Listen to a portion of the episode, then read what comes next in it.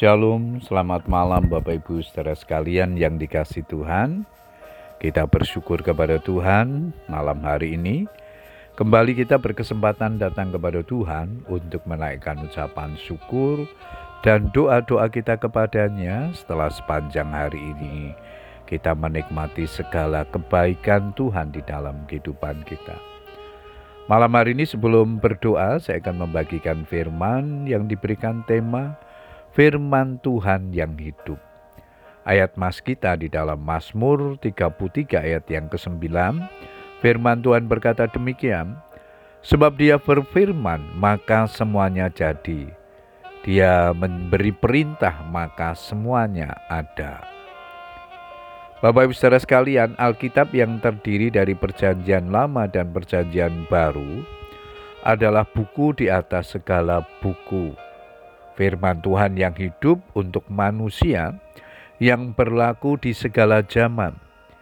Jadi isi Alkitab adalah perkataan Tuhan sendiri yang penuh kuasa, yang bermanfaat untuk mengajar, untuk menyatakan kesalahan, untuk memperbaiki kelakuan, dan untuk mendidik orang dalam kebenaran. Dengan demikian, tiap-tiap manusia kepunyaan Allah diperlengkapi untuk setiap perbuatan baik.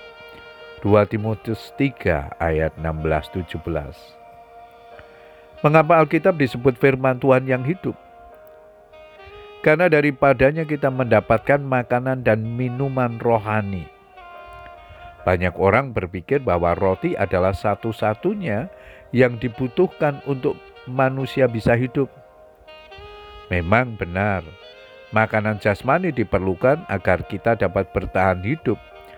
Namun ada hal lain yang diperlukan untuk membuat hidup kita lebih dari sekedar bertahan hidup.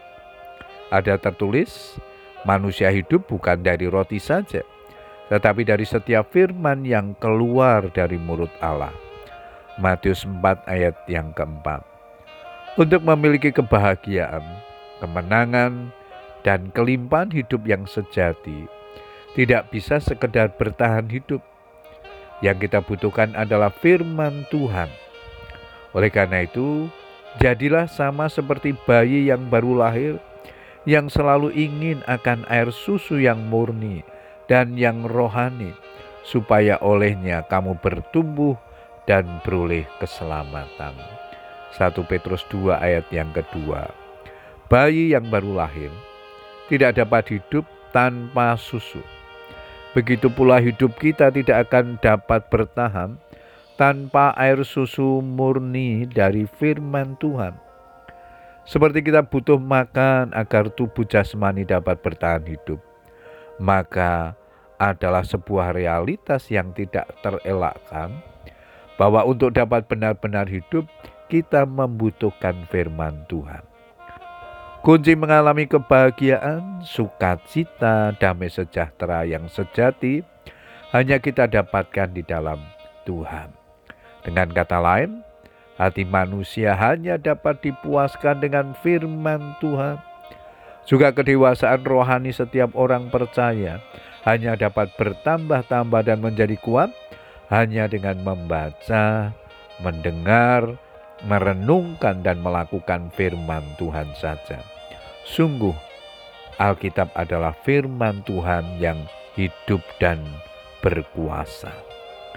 Matius 24 ayat yang ke-35, Langit dan bumi akan berlalu, tetapi perkataanku tidak akan berlalu. Puji Tuhan Bapak Ibu Saudara sekalian, biarlah kebenaran firman Tuhan yang kita baca, kita renungkan malam hari ini menolong kita untuk terus hidup berdasarkan firman Tuhan, untuk terus hidup seturut dengan firman Tuhan, karena firman Tuhan itu hidup dan berkuasa yang sanggup menopang, menolong di dalam kehidupan kita. Selamat berdoa dengan keluarga kita. Tuhan Yesus memberkati. Amin.